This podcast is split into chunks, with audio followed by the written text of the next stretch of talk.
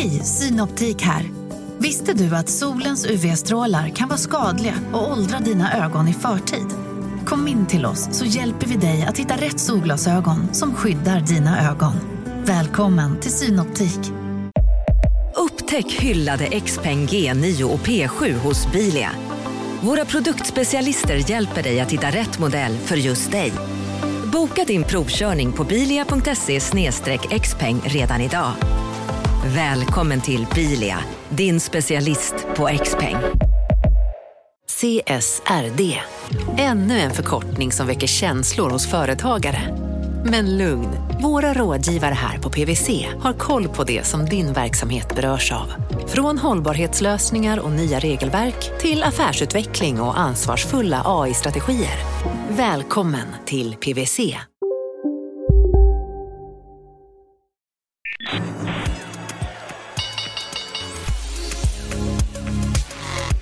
Här är Affärsvärlden med Helene Rådstein.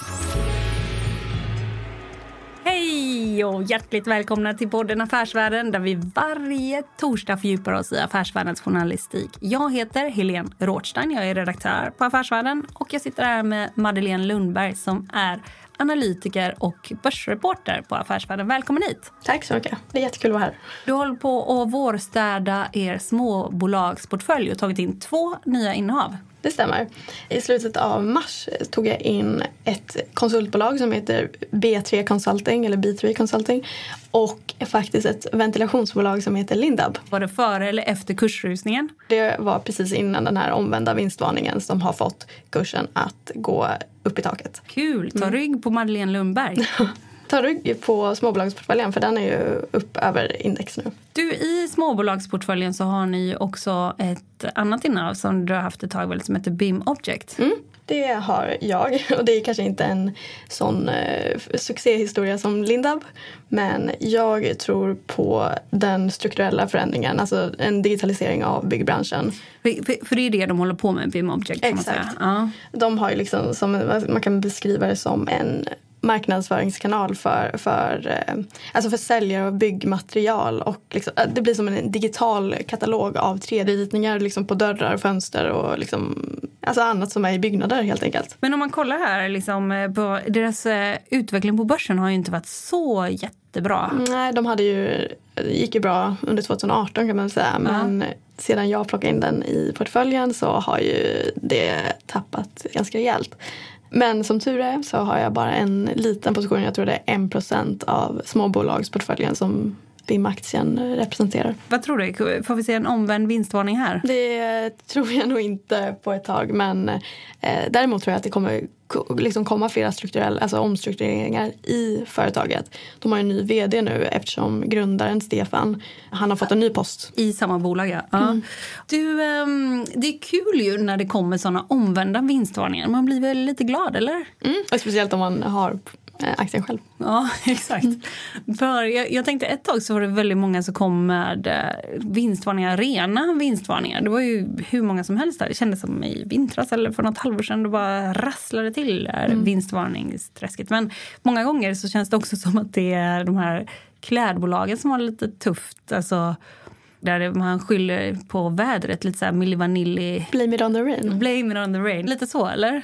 Ja, detaljhandeln och liksom klädbolagen framförallt har ju haft det tufft. Jag vet inte riktigt hur mycket vädret spelar in där men såklart det blir problem liksom om säsongerna inte blir som väntat eller att det tar längre tid att sälja det som är tänkt. Jag skrev ju en lång artikel om XXL för ett tag sedan och eh, det som intresserar mig ganska mycket det är att de har inte funnits i södra Sverige liksom nämnvärt kan man säga. Framförallt inte i Malmö.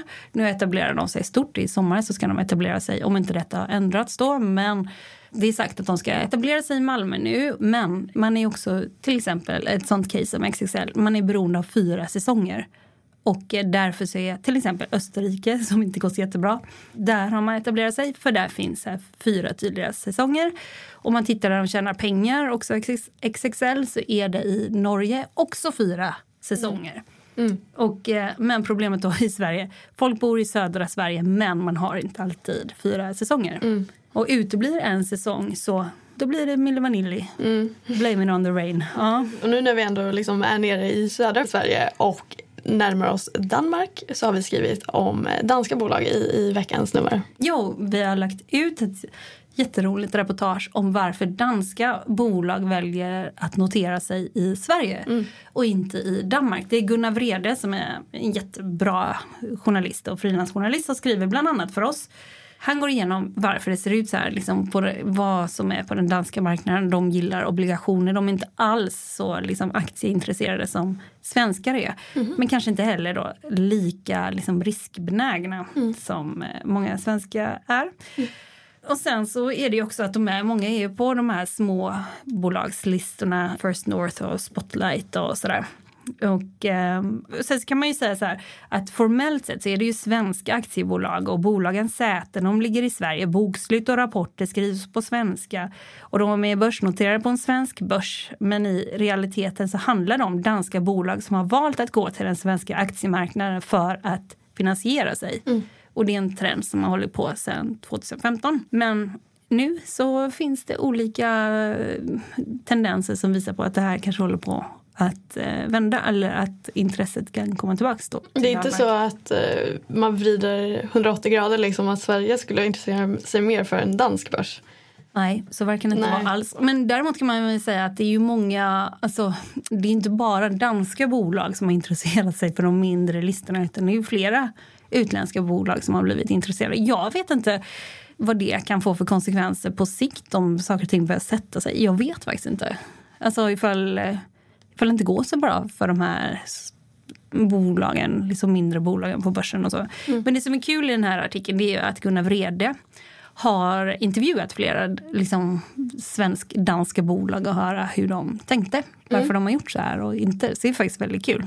Det kommer ut nu. Men nu så ska vi alldeles strax lyssna på en advokat eh, som är specialiserad inom konkurrensrätt. Vi var ju i San Francisco för ett år sedan Ja, och vi träffade bland annat en antitrust-advokat. Och han pratade ju om varför Google och eh, Facebook och alla de här stora har kunnat växa sig så stora i USA. Och nu ska- ska vi alldeles strax lyssna på en advokat inom konkurrensrätt. Han heter Erik Brent Överholm och han kommer hit, han jobbar på Baker McKenzie och eh, han har en spaning om att de här bolagen kanske inte kommer vara så stora i framtiden. Det finns flera politiska röster som gör sig hörda just nu för att säga att eh, ja, vi får se om deras storlek kommer hålla i sig. Spännande. Ja men det är spännande faktiskt. Och eh, också tycker jag det är också spännande, vad kan man förvänta sig eh, från den i framtiden? De säger ju ja eller nej till samgående utav bolag och sådär. Så det är väldigt kul. Tack Madeleine för att du kom hit och var med. Tack så jättemycket för att jag fick komma. Nu kommer intervjun med Erik Brent Överholm från Baker McKenzie.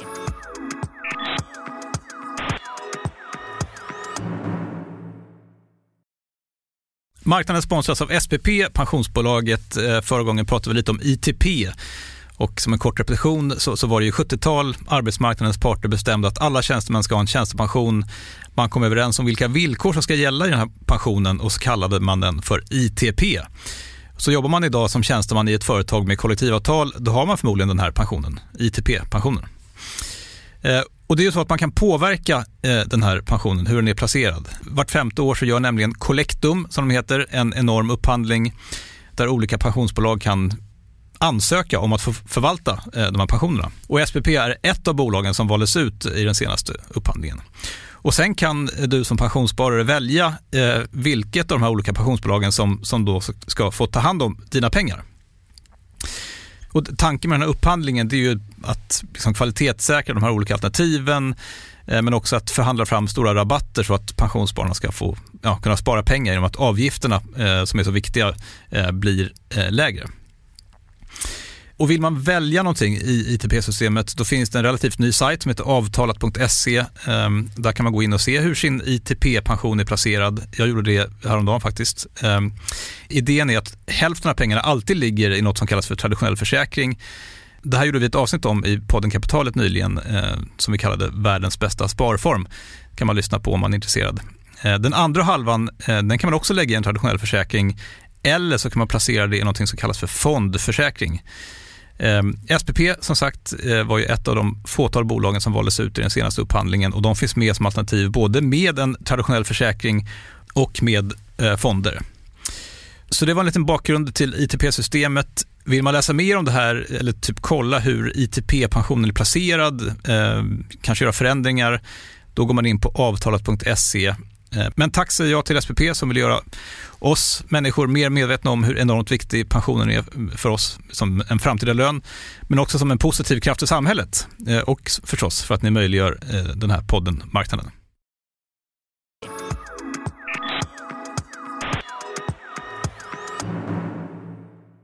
Erik Brent Överholm, välkommen hit till podden Affärsvärlden. Du kommer från Baker McKenzie, advokatbyrå. Det stämmer bra. Tack ja. för att jag fick komma hit.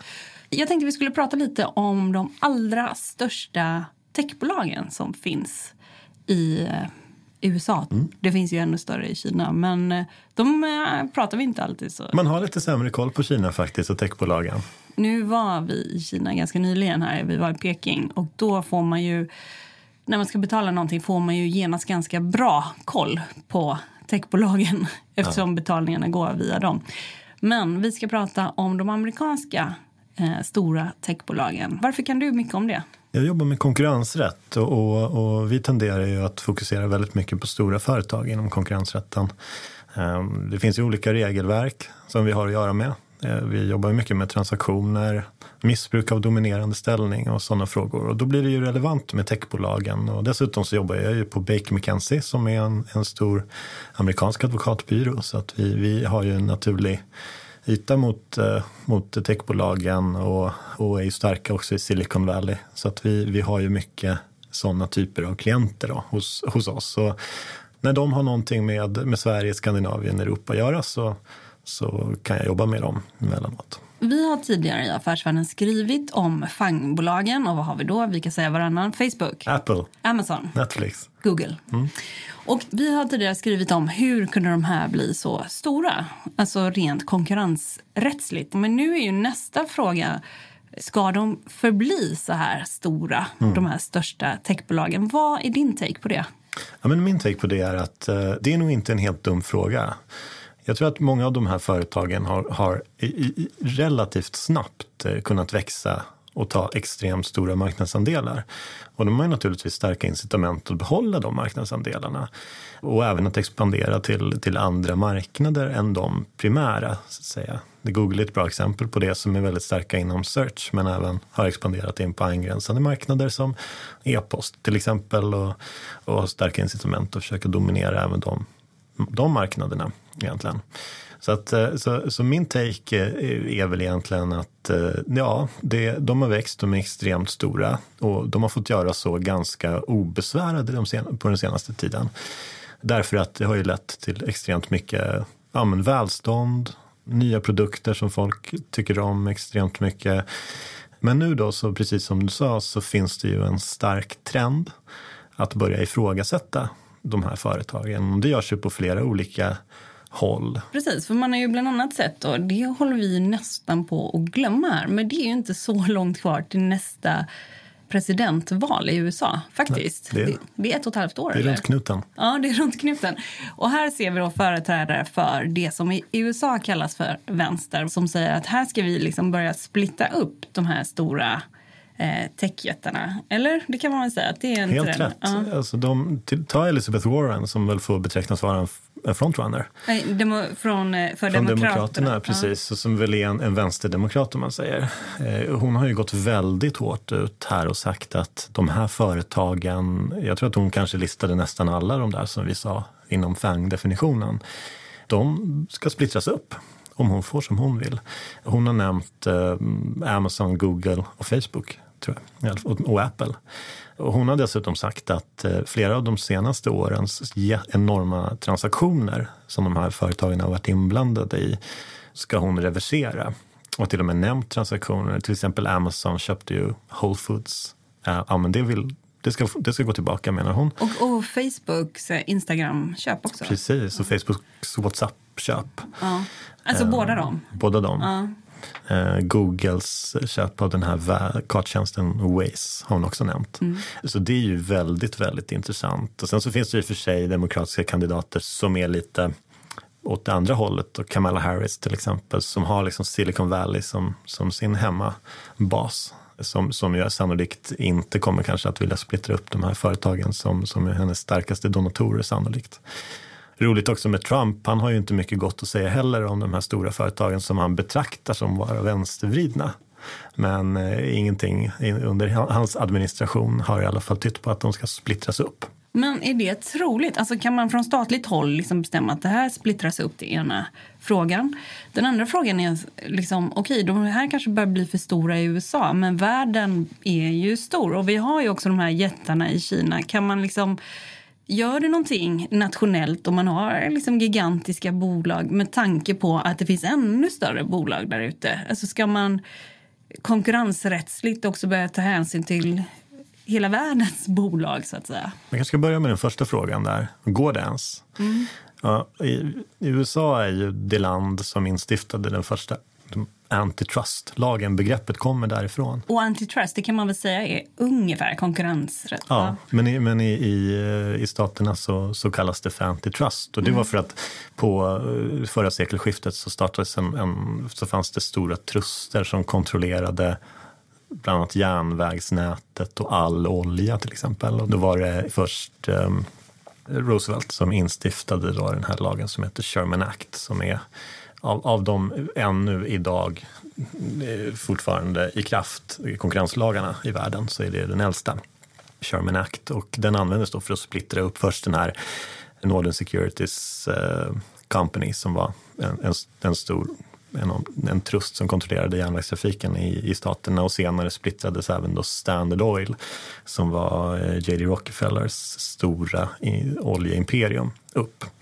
Och den är fortfarande in force. Eh, den användes av Reagan-administrationen för att splittra upp AT&T i ett stort antal olika företag. Och eh, år 2000 så beslutade faktiskt en domstol att splittra upp Microsoft.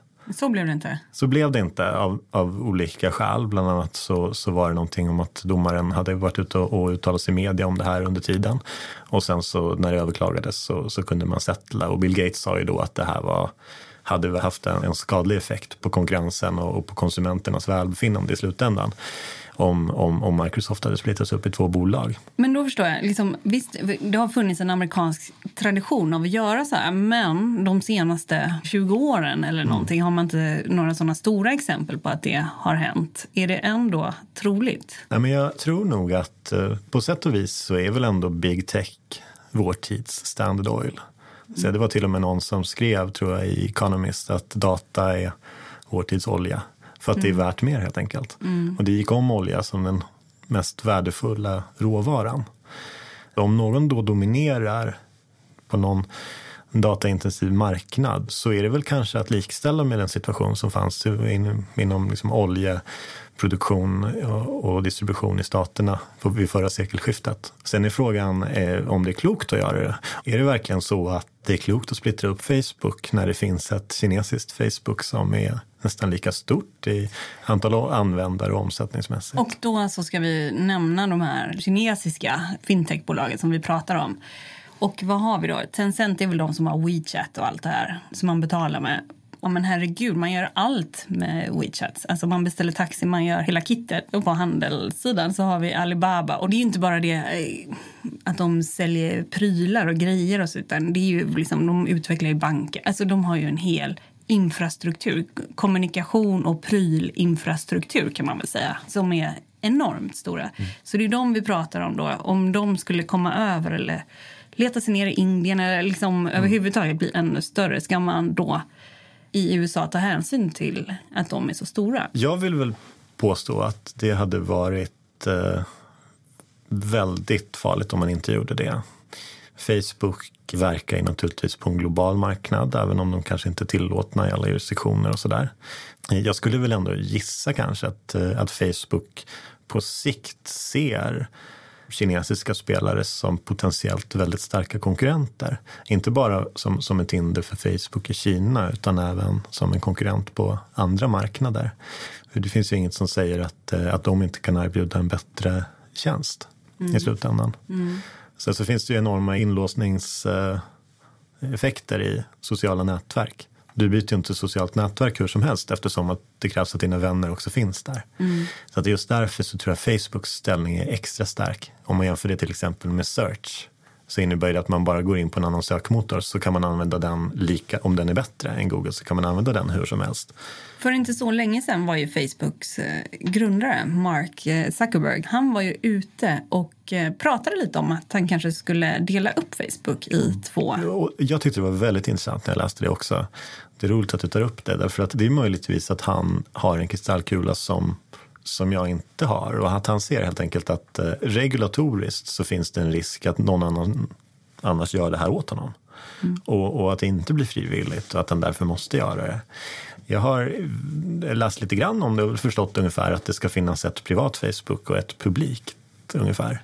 Men riktigt vad det innebär vet jag inte. Och, och, och men, men gissningsvis så hade det väl varit ett sätt att lugna ner de allra mest eh, upprörda rösterna över monopolet som de ändå väl får säga sa på just en sån eh, social nätverkstjänst. Hur tror du att det eh, blir? vi pratar om de här amerikanska rösterna från vänsterhållet. Tror du, liksom, ser man såna röster också från högerhållet? Förutom att här, Trump, som du sa, har kritiserat... Fake news. Ja, fake news. Ser man något Kommer det trycket från vänsterhåll helt enkelt? Jag tycker att eh, det är ganska tydligt att trycket idag kommer från vänsterhåll. Men så har det inte alltid varit. Mm. Till exempel det, det, som jag nämnde, det var ju Reagans administration som splittrade upp ett av de största företagen, AT&T. Mm. Men det var en annan tid. Jag tror att det man ser nu hos republikanerna i USA är mycket mer just en libertariansk inställning kanske till business, det vill säga låt det vara. Bara. Mm. Medan det tidigare inte har varit så äh, på, på höger håll. Konkurrensreglerna som sådana är egentligen ganska invasiva för företag. Man eh, reglerar företagsbeteende ganska rejält med konkurrensreglerna.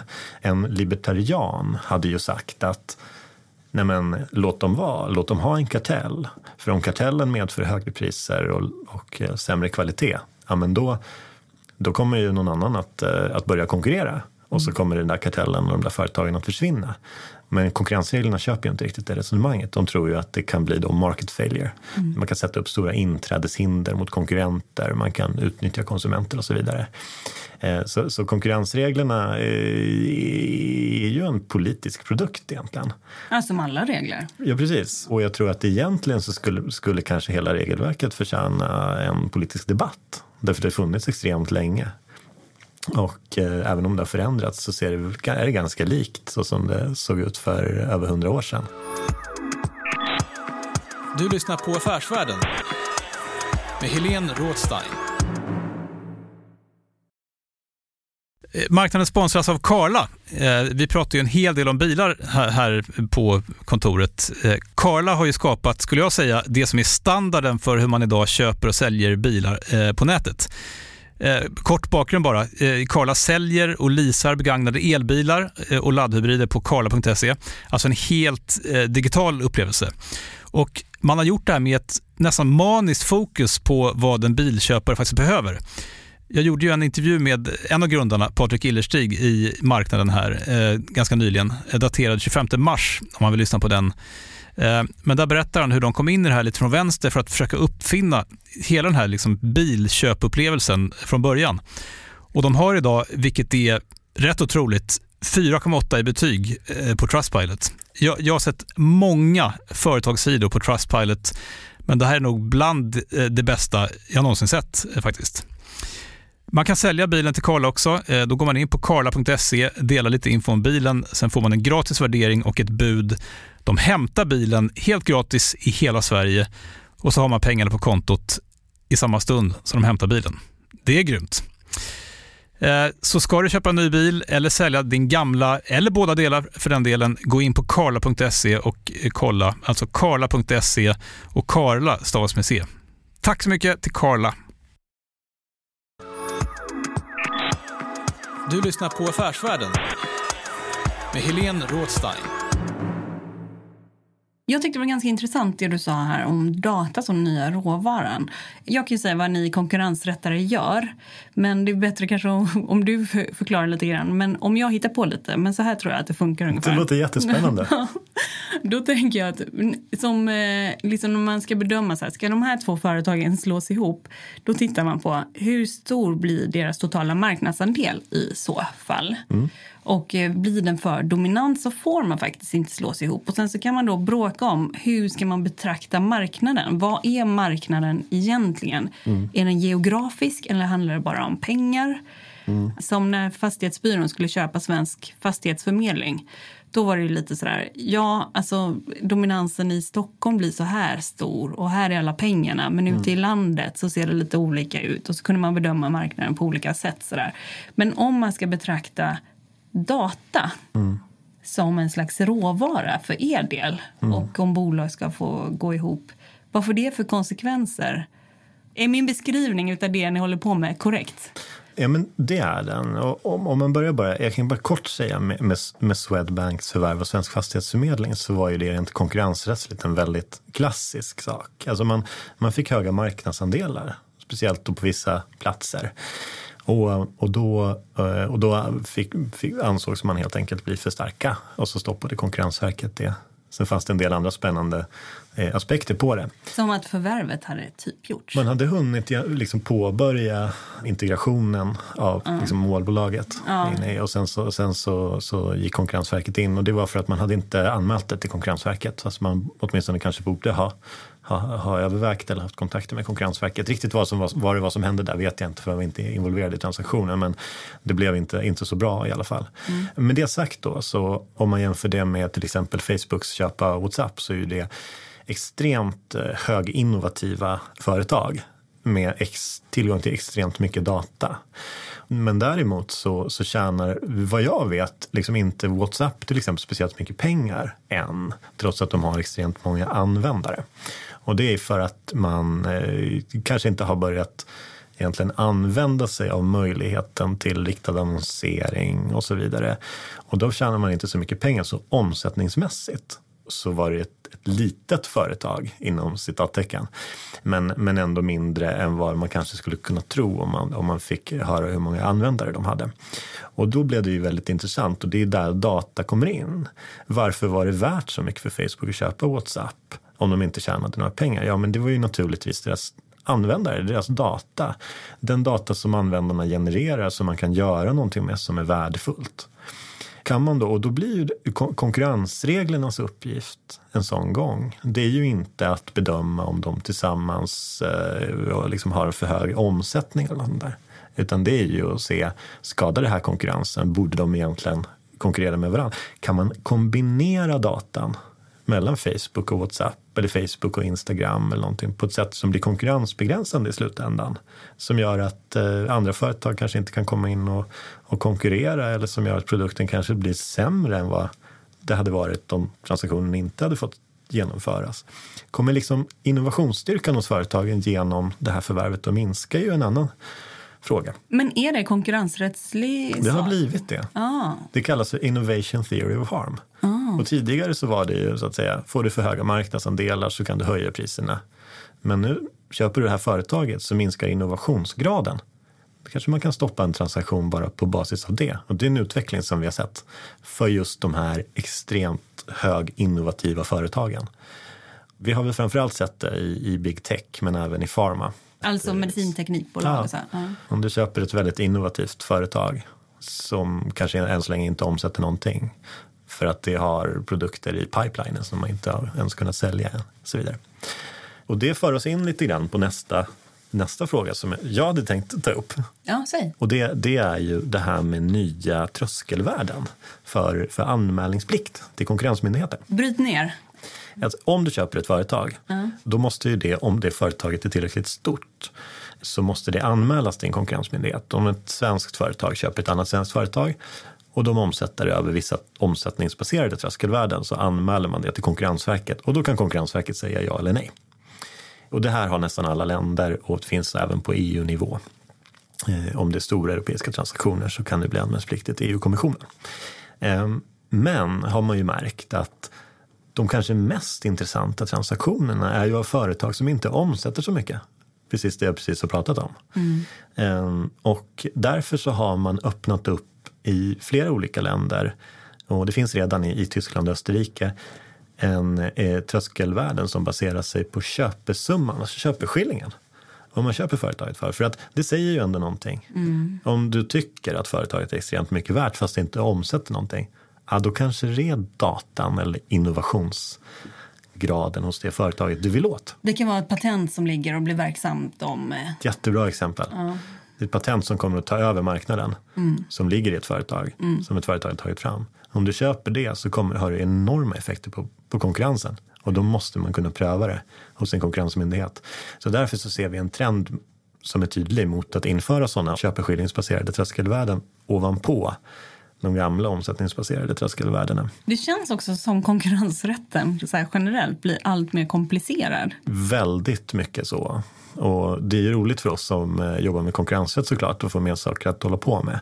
Men eh, rent politiskt så, så, kan jag känna mig skeptisk till den expansion som har skett av konkurrensreglernas omfattningsområde precis som vi har sagt nu, man, man kommer fram med nya skadeteorier, innovation theory of harm. Eh, det är någonting som det kanske egentligen borde tas politiska beslut om, att man ska pröva. Eller ska man bara expandera ett befintligt regelverk till att helt plötsligt omfatta någonting nytt? Mm. Ta till exempel nu så kallade HR-karteller. Mm. En HR-kartell, det är när ett eh, företag går samman med ett annat företag och bestämmer sig för att inte rekrytera varandras personal. Och eh, det, eh, det är ju i grund och botten inte kanske speciellt snyggt. Men nu har det också ansetts vara i ett, ett konkurrensrättsligt brott på vissa typer av marknader. Vi återkommer till innovation. På vissa marknader så är innovation viktigare än eh, till exempel omsättning. Och om man då inte kan rekrytera varandras personal, då finns det en överenskommelse som begränsar konkurrensen här därför att personal är ju de som kanske står för innovationen typiskt mm. sett. Mm. Och därför så finns det nu utredningar både i Silicon Valley bland de här företagen vi har pratat om, FANG-bolagen och även i banksektorn i, i UK där man går på sådana här typer av HR-karteller om det nu anses vara karteller i slutändan, det, det, det, får jag låta vara osagt. För att det, vad jag vet har någon sån inte dömts än. Men det skulle inte alls förvåna mig och där har ju helt plötsligt konkurrensregeln expanderat in till en helt annan nivå än de här klassiska kartellerna. Och uh, utav de här sakerna som vi har talat om, är det också trender som gäller för svenska bolag? Finns det några liknande liksom, trender här? Skulle man kunna splitta upp några företag här? Sverige är ju avsevärt mycket mindre. Så att jag tror egentligen att precis det som du säger. Sverige har extremt starka exportföretag, klassiska industriföretag men även, även våra, våra nya unicorns då, och, och, och, eh, och en, en, extremt expansiv techsektor också. Och de här sakerna kommer definitivt att sippra ner på ett sätt eller annat till svenska bolag. Inte minst eftersom att svenska bolag ofta blir uppköpta av, av de här stora jättarna. Nej, men jag tänkte bara på till exempel eh, Paypal. Paypals köp av iSettle till exempel. Mm, mm. Ja, vad var skälen till det? det kan man alltid... 19,1 miljarders kronor affär som var typ dubbelt så högt än vad ryktena sa att de skulle få vid en börsnotering som de var väldigt nära att göra ju iSettle på Stockholmsbörsen. Om det skulle vara tröskelvärdesbaserad värdering. Då hade ju den blivit anmälningspliktig. Ja. Och nu avslöjar min okunskap lite grann om iSettles, för, Paypals förvärv av iSettle var anmälningspliktigt till ja. någon konkurrensmyndighet. Ja. Det kanske den inte var. Men med tanke på den köpeskillingen du precis nämnde. Mm. Klockrent exempel. För där har jag hört att det var ju datan man ville åt där. Alltså, eh, precis, att det var liksom småföretagen data, inte själva liksom mekappärerna och sådär runt omkring. Absolut. Och, och så, så, så, det är väl egentligen kanske, kanske det absolut allra bästa exemplet på varför det här är relevant för, för svenska företag. Mm. Alltså svenska innovativa företag som blir uppköpta av sådana jättar. För det blir de. Ja, mm. vi, vi, får väl se helt enkelt om eh, någon av de här eh, amerikanska presidentkandidaterna splittrar upp Paypal så att vi får tillbaka Izettle till Sverige. Mm, Okej, okay. jag säger Du, du, du, dum. Nej, men faktiskt, det, det blir spännande att se. Tack Erik Brent Överholm, advokat från Baker McKenzie för att du kom hit. Tack så mycket, jättekul att få vara här. Du har lyssnat på en podd från Affärsvärlden. Jag heter Helene Rothstein. Mer fördjupande journalistik om näringslivet finns både på nätet och i Sveriges äldsta och faktiskt bästa affärsmagasin. Du hittar oss enklast på affärsvärlden.se och podden den är tillbaka om en vecka. Håll ut, hej då!